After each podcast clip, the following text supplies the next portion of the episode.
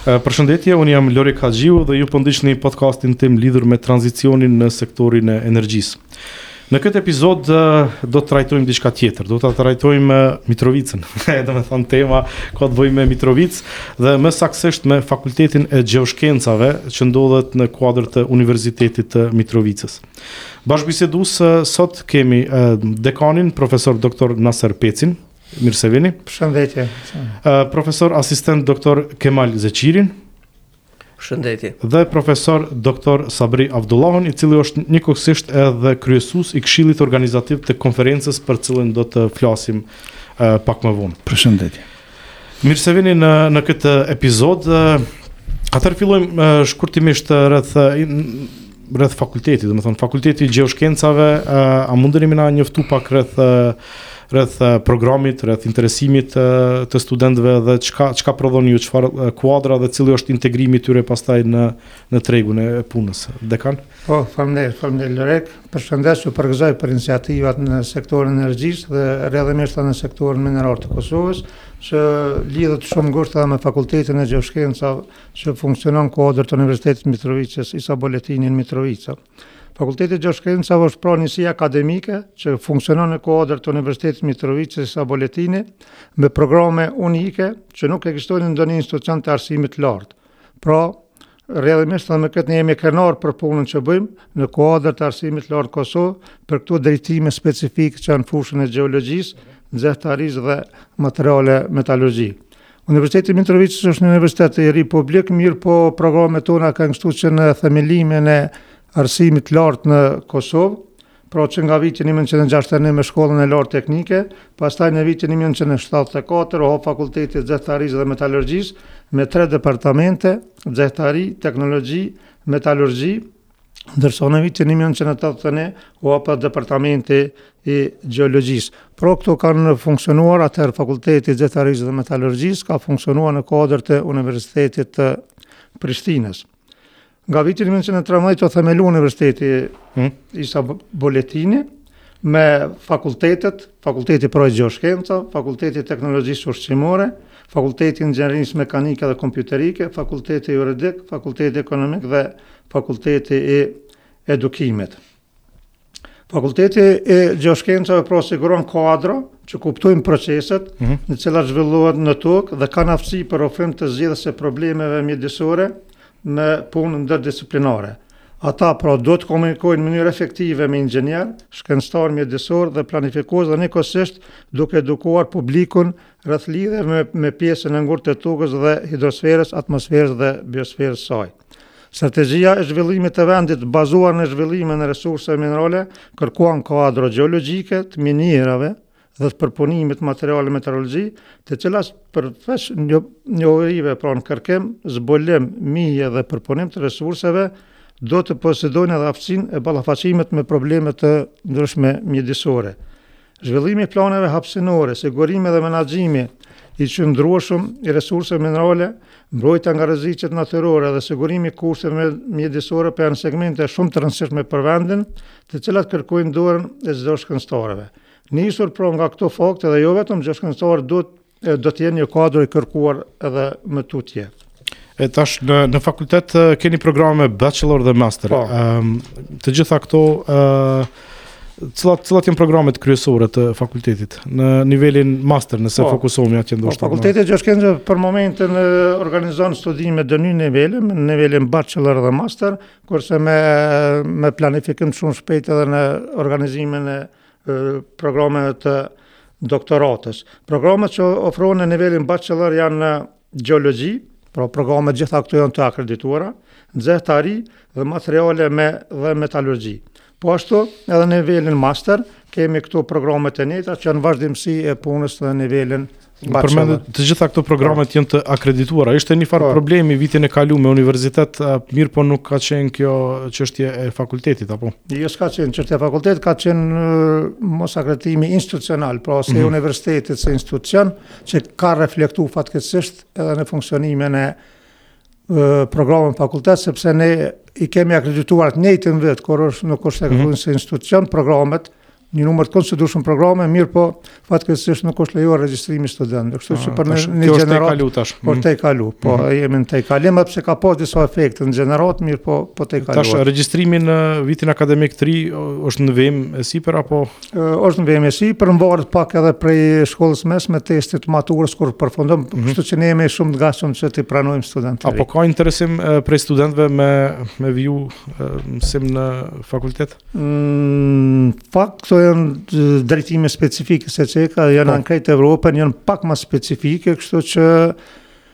trendet e studimeve, po dhe rënies në përgjithësi, nuk janë për momentin aq mirë, më mirë, po ne po punojmë shumë, që të jepet edhe informacion më i mirë, mm -hmm. kohët e fundit, Edhe kampusi i ri, në të cilin është vendosur Universiteti i Mitrovicës dhe zhvillimet që i kem bo, është shumë i përshtatshëm për studimet edhe në këto drejtime. Po, unë kisha rastin me vizitu kampusin ishte jashtëzakonisht modern, po. bashkëkohor, domethënë i kishte gjitha kushtet si për ligjërime, si dhe kishte edhe laboratorë të shumta. Po. Te këto laboratoret, a i keni funksionalizu, ose çfarë, çfarë lloj shërbime mund të ofrojnë këto laboratore? Po, infrastruktura tani na ka mundësu edhe krijimin e laboratorëve. Ne jemi vazhdimisht prej themelimit të universitetit, çdo vit kemi pajisë me laboratore, që ju falënderu pastaj edhe buxhetet që u ndarë për këto, po ashtu kemi bashkëpunim shumë shumë të mirë memorandum bashkëpunimi edhe me shërbimin gjeologjik të Kosovës, që një pjesë e atyne pajisjeve gjinden në në fakultetin tonë, kështu që jemi shumë kemi përparu në këtë drejtim, disa janë funksionale laboratorë, disa priten të funksionalizohen këtë vit edhe kohëve të fundit, kështu që jemi në themelim të institutit fakultetit të gjeoshkencave, se u kriju infrastruktura dhe për laboratorët për punë kërkimore, kështu që Planifikimi ynë është në të ardhme të afërt përpos mësimdhënies dhe mësimnxënies, të fokusohemi shumë edhe në punën kërkimore që është e domosdoshme për funksionalizimin e një fakulteti apo universiteti të jetë konkurent pse jo në rajon edhe në Evropë. Kur flasim për interesimin e studentëve, a ofron fakulteti edhe bursa apo stipendiume për që t'i bëjë më atraktive? Universiteti fakulteti ofron bursat vetëm ato që quhen bursa universitare për studentë me notë mesatare kanë një kriter të caktuar, kurse për forma të tjera të bursave jemi kemi pas edhe kontakte me Ministrinë e Zhvillimit Ekonomik atëherë që për këto drejtime të sigurohen bursa permanente, po edhe me kompani të ndryshme.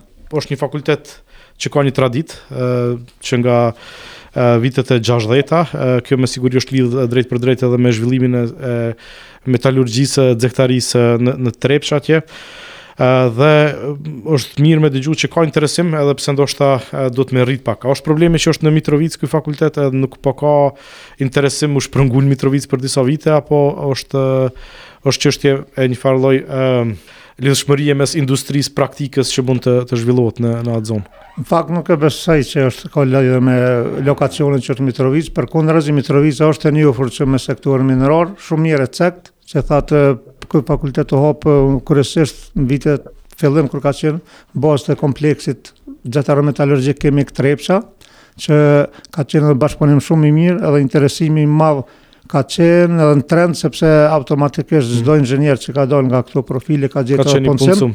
Kryesisht është në Trepçë, por jo edhe vetëm, mm. në gjithë sektorin minerar të Kosovës, por jo vetëm sektorin minerar, por institucione që kanë të bëjnë me me sektorin minerar, kurse numri i studentëve gjithnjë lidhet shikon në tregun e drejtën kemi bashkëpunim mjaft edhe me Universitetet Evropiane, një mhm. problem i tillë në këto drejtime është pothuajse, nëse mujmë me qujt kështu një problem, mhm. mirëpo jemi shumë optimistë që edhe me zhvillimin e sektorit minerar në Kosovë, që ne konsiderojmë që është dhe do të jetë nga shtyllat e zhvillimit të Kosovës, që me zhvillim të sektorit minerar, rinia, studentët i përcjellin situatën dhe një lëvizje pozitive në këtë aspekt me automatizëm po reflekton edhe në zhvillimin e apo regjistrimin e studentëve të rinj. Ishte edhe ngjarje se për shembull kur ka ndodhur ligji për Trepçën mm -hmm. në konvitin tim, po. me automatizëm po sigurisht se ajo pretendoi se shumë shpejt do të ketë një zhvillim të mirë dhe të bujshëm sektor Trepçë dhe u reflektu që kemi pas Një kërkesë më të madhe të studentëve për regjistrim. Shumë shumë interesant qysh reagon kërkesa. E, reagon kërkesa, patjetër. Tash këto programet klasike, domethonë, xehetari, gjeologji, uh, po tash kemi edhe zhvillime të reja, domethonë, edhe nivel uh, botnore, evropiane, çka nuk di tjetër. Uh, uh, jemi tu bisedu për disa tema ma bashkëkohore tash, domethanë, okay. Po, jemi tu bisedu për zhvillim të qëndrueshëm, ekonomi qarkore, reciklim dhe shumë tema tjera. Dhe po vjen mirë që ju e keni planifiku për këtë vit një konferencë ndërkombëtare me temën Gjeoshkenca dhe zhvillimi i qëndrueshëm. Zotëri Avdullahu, a mund të na njoftoni pak rreth rreth konferencës në përgjithësi historiku i saj sepse nuk është hera parë që mbahet kjo konferencë. Faleminderit Lorik.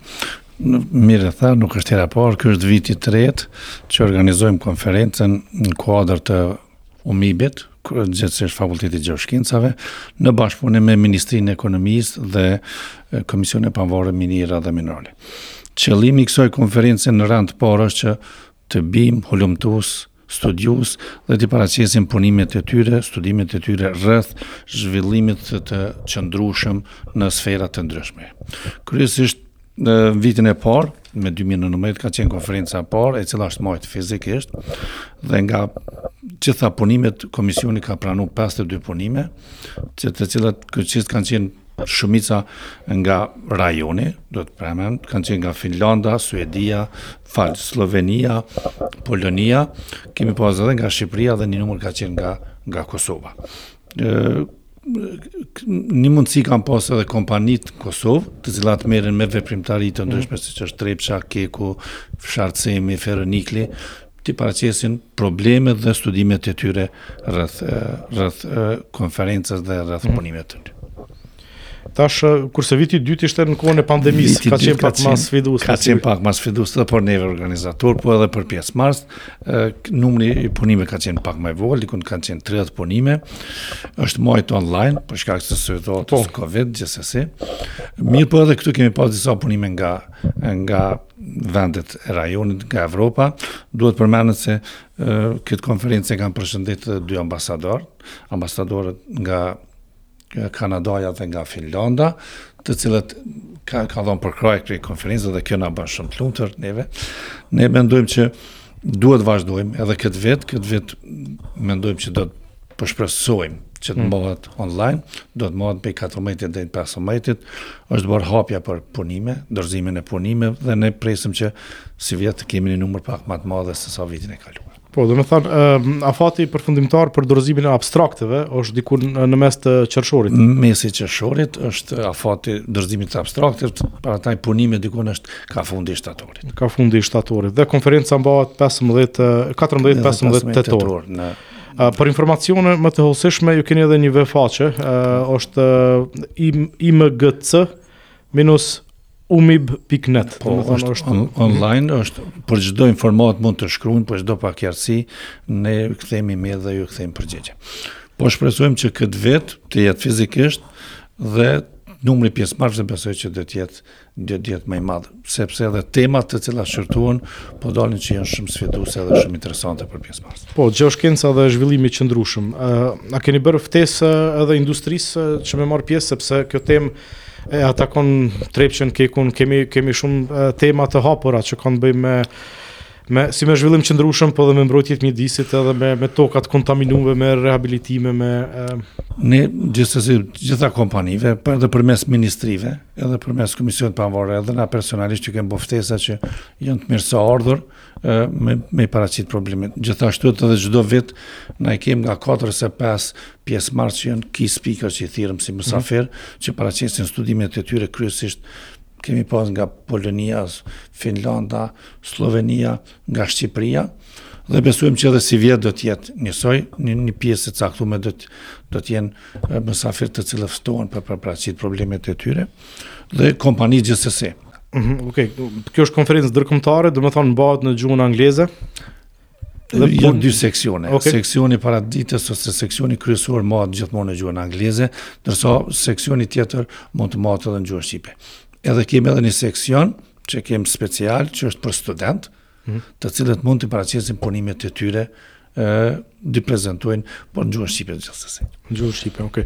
Ë si përmbledhje e konferencës e bëni ndonjë publikim të punimeve apo? Po, çdo vit na publikojmë librin e konferencave. Mm -hmm. Por këtë vitin e kaluar e kemi pas një bashkëpunim me Universitetin e Polonisë në Krakova, po, për Krakovë dhe punimet më të mira mund të dorëzohen atje dhe të publikohen pa pa pagesë. Se është një marrëveshje që e kem lidhur me Universitetin e Polonisë. Kjo marrëveshje vazhdon, besoj edhe. Do të vazhdojë edhe sivjet. Kjo është shumë mirë. Na po besojmë që do ta zgjerojmë edhe në revistë tjetër, e cila do të na përkrah si konferencë.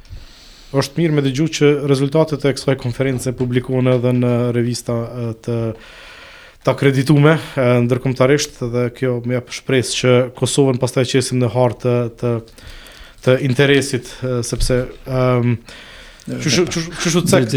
Dhe ta ceksim, ne jemi në kontakt të vazhdueshëm me mujt me qit revistën tonë, kuadër të konferencës, mirëpo duke pas parasysh që na nuk jena në UNESCO dhe nuk kemi drejtë me marrë numrin ISSN që është mm. ndërkombëtar, ne jem, jem duke të të të së bashku me Shqipërin, ta formojmë një grup të përbashkët që ata të aplikojnë, na ta marrim numrin dhe atëherë punimet ma të mira do t'i botojmë këtu në kuadër të konferencës. Mm -hmm. Faleminderit shumë për këtë informacion. Shpresoj që kjo konferencë të jetë e suksesshme dhe të pranoni shumë aplikime. Pra ftojmë ftojmë të gjithë. Ftojmë të gjithë të dorëzojnë abstraktet e tyre deri më 15 qershor.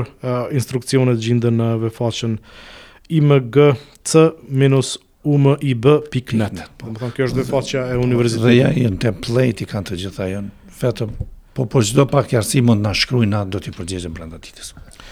Tema e përzgjedhur Zhvillimi i qëndrueshëm është shumë në harmoni edhe me zhvillimet e përgjithshme në nivelin e Bashkimit Evropian. Domethënë jemi tu folë për marrëveshjen e gjelbërt, e cila parasheh shumë pika që nuk lidhen vetëm me sektor të energjisë, sepse gjithmonë flasim burimet e ripërtëritshme dhe çka po di. Domethënë fokusi është i ngushtë, por nëse shohim European Green Deal, atëherë edhe ajo çka lidhet direkt me Kosovën edhe deklarata e Sofjes, përveç klimës dhe energjisë kemi të bëjmë edhe me ekonominë qarkore, edhe kemi të bëjmë me uh, ajo çka quhet pastrim apo depollution.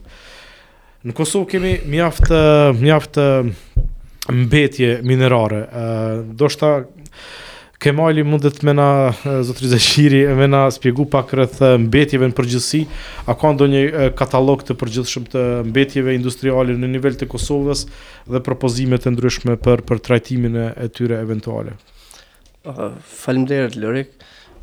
Realisht Kosova ka një katalog, po jo ndoshta me specifikat të cilat do t'i mundësonin që në të ardhmen të paraqitnim projektpropozime për rehabilitimin apo ripërdorimin e tyre në në industri të ndryshme. Ë po para se me me, me deshta me me dhonë një, një informacion të përgjithshëm lidhur me mbetjet industriale në në Kosovë. Realisht ashtu siç u përmend Kosova në të kaluarën ka qenë një vend industrial dhe për pasojë do thotë sot kemi diku rreth 60 milion ton mbetje të plumb-zinkut që janë të lokalizuara në rreth depon në rreth 9 deponi Dhe po ashtu kemi edhe deponitë nga termocentralet, deponitë e hirit, pastaj mbetjet e kromit e kështu me radhë. Po flas do të thotë për deponitë që vijnë nga flotacioni, mm -hmm. por gjithsesi kemi edhe deponitë që janë nga shkritoret, parku industrial në Mitrovicë dhe mbetjet nga përfitimi i plumbit në Zveçan. Janë ba disa hulumtime për përbërjen kimike të tyre, mirëpo nuk kemi një, një, një databazë të përgjithshme lidhur me to dhe për më tepër nuk kemi një plan për rikuperim të tyre ose për përdorim të tyre ose reciklim. E ceke më herët ekonominë qarkulluse, do thotë, dhe tani më dihet që në deponitë e Trepçës gjinden mbi 70 elemente të ndryshme, përfshirë këtu edhe elementet e tokave të rralla, të cilat sot janë mm -hmm. mjaft të kërkuara për shkak në në, në fusha të ndryshme, sidomos në elektronikë. Prandaj përveç studimeve që ngërthejnë, do thotë që do ta ngërthenin mbrojtjen e mjedisit, rikultivimin e këtyre deponive, këto deponi paraqesin një bazë të mirë për përfitim edhe ekonomik prej tyre. Domethanë përfitimi mundet me qenë dyanshëm. Një është pastrimi i këtyre deponive, por edhe rikuperimi i mineraleve të cilat kanë vlerë në treg dhe këto elemente të tokave të ralla janë mjaft të kërkume. A kemi informacione përveç deponive, a kemi resurse në Kosovë, vendburime të të të elementeve të tokave të ralla apo apo edhe mineraleve konkrete ë për shembull përmendet litiumi si si ë element i rëndësishëm për zhvillimin e çka po di, baterive apo ë për krijimin e burimeve të ripërtëritshme si qëndron Kosova ë mund të më përgjigjeni në këtë drejtim nëse ë keni më shtu diçka por kjo është tema top prioritet po. në nivel të Bashkimit Europian dhe global, domethënë është strategjia ekonomike edhe zhvillimi i dekadave të arshme. Po, realisht, kohëve të fundit janë marrë shumë iniciativa, do të thotë brenda Bashkimit Europian, që realisht politika të ndryshme me të cilat Bashkimi Europian don të favorizojë furnizimin me me raw materials apo me me lëndë të para ato që që i përmendëm deri më tani. Ë dhe e, Kosova do thotë paraqet një potencial për shkak të resurseve dhe e, diversitetit që i ka në resurse mm -hmm. minerale fillu' prej lignitit, pastaj mineralizimit të plumb-zinkut, kromit, ferronikelit e kështu me radhë, paraqet një potencial të mirë për hulumtim. Një pjesë e madhe e këtyne elementëve të tokave të rralla do thotë janë identifikuar në deponi. Sigurisht që paraqet potencial të mirë edhe për hulumtim të, të vendburimeve të reja, por që natyrisht në, momentalisht nuk kam ndonjë informacion se ku mm. mund të jenë këto mm. vendburime mm. potenciale. Por që natyrisht unë jam i sigurt që ka indikacione për shkak të gjeologjisë, do të thotë përbërjes gjeologjike të Kosovës që mund të jetë me potencial hulumtime të reja në këtë drejtim. Domethanë arsyeja pse ka pas toka të rralla, elemente të tokave të rralla apo minerale të tjera në këto deponi është sepse eficienca e përpunimit në të kaluarën ka qenë e e dobët e flotacioneve e krejt.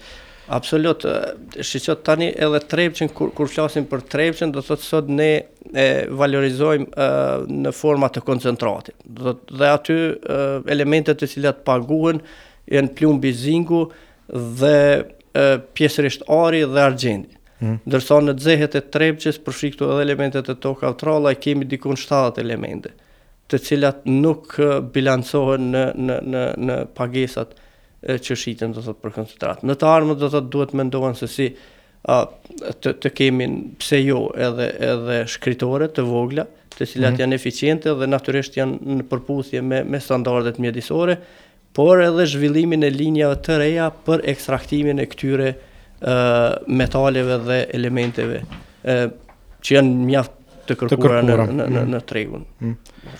Mirë, kjo lidhet edhe një farë forme edhe me programin e qeverisë që ka të bëjë me performancën, me me përmirësimin e performancës në sektorin minerar.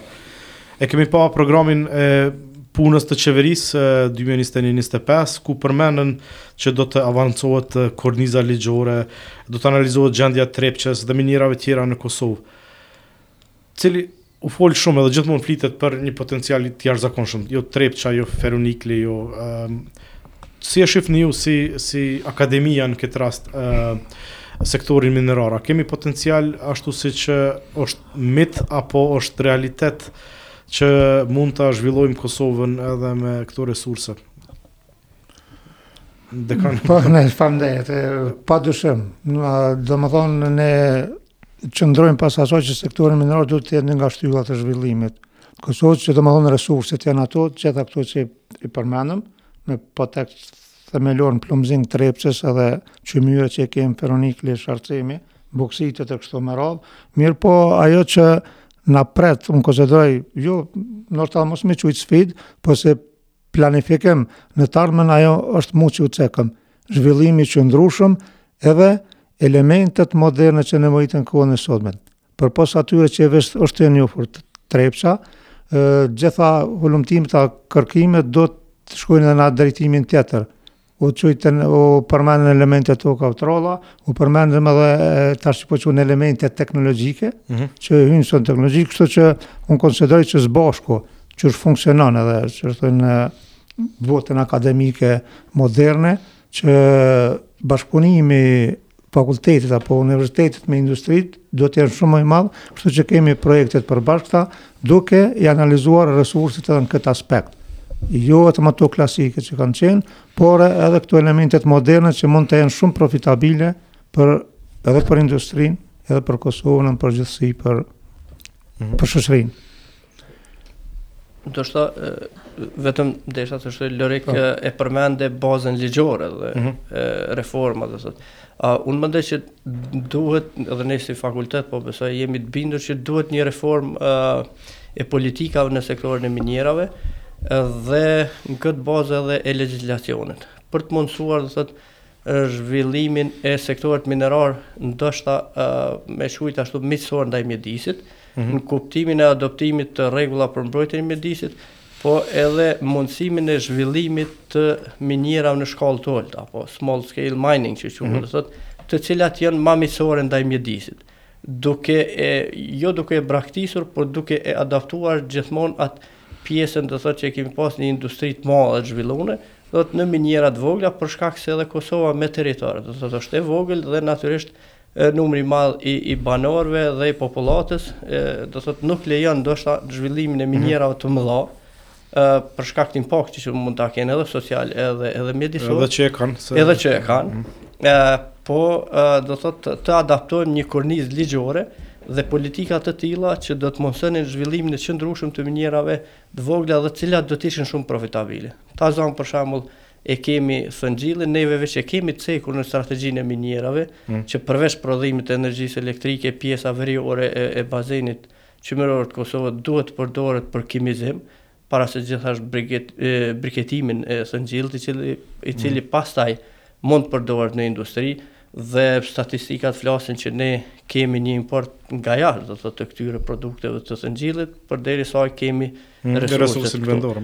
Prandaj po ashtu edhe zhvillimin e minierave të ndryshme të vogla, mermereve të ndryshme, të cilat do të ishin edhe miqësore ndaj mjedisit, po edhe që do të krijonin realisht edhe zhvillim ekonomik dhe potencial do thotë për zhvillim ekonomik. Edhe çka është interesant tek programi i qeverisë është se ceket që secili vendim do të mbështetet në alternativa të arsyeshme ekonomike, teknologjike, sociale. Ëh, Tash pyetja rrjedh, ë pyetja rrjedh, a është fakulteti i gjeoshkencave në a ka kapacitete për me me i kry këto studime, këto alternativa të zhvillimit të ndikimit në mjedis apo edhe çështje teknologjike. ë Tu e marrë parasysh që kemi një histori, ë të madhe në sektorin e minierave. E kemi një fakultet i cili e ka një bazë të mirë edhe në bashkëpunimit me industrinë dhe tash ka kalu edhe në lokacion të ri, ku ofron kushte jashtëzakonisht të mira për për studentë, besoj edhe konvikti do të përfundon shpejt atje. Jemi tu u aktivizu në nivelin akademik me organizimin e e e seminareve, e konferencave ndërkombëtare ku kemi edhe edhe pjesëmarrje nga jashtë. Pra, ky fakultet si duket ka potencial dhe duhet ta ketë një rol kyç në në zhvillimin socioekonomik të Kosovës. Ë deri tash a keni prodhu studime apo analiza përveç përveç punimeve të konferencës?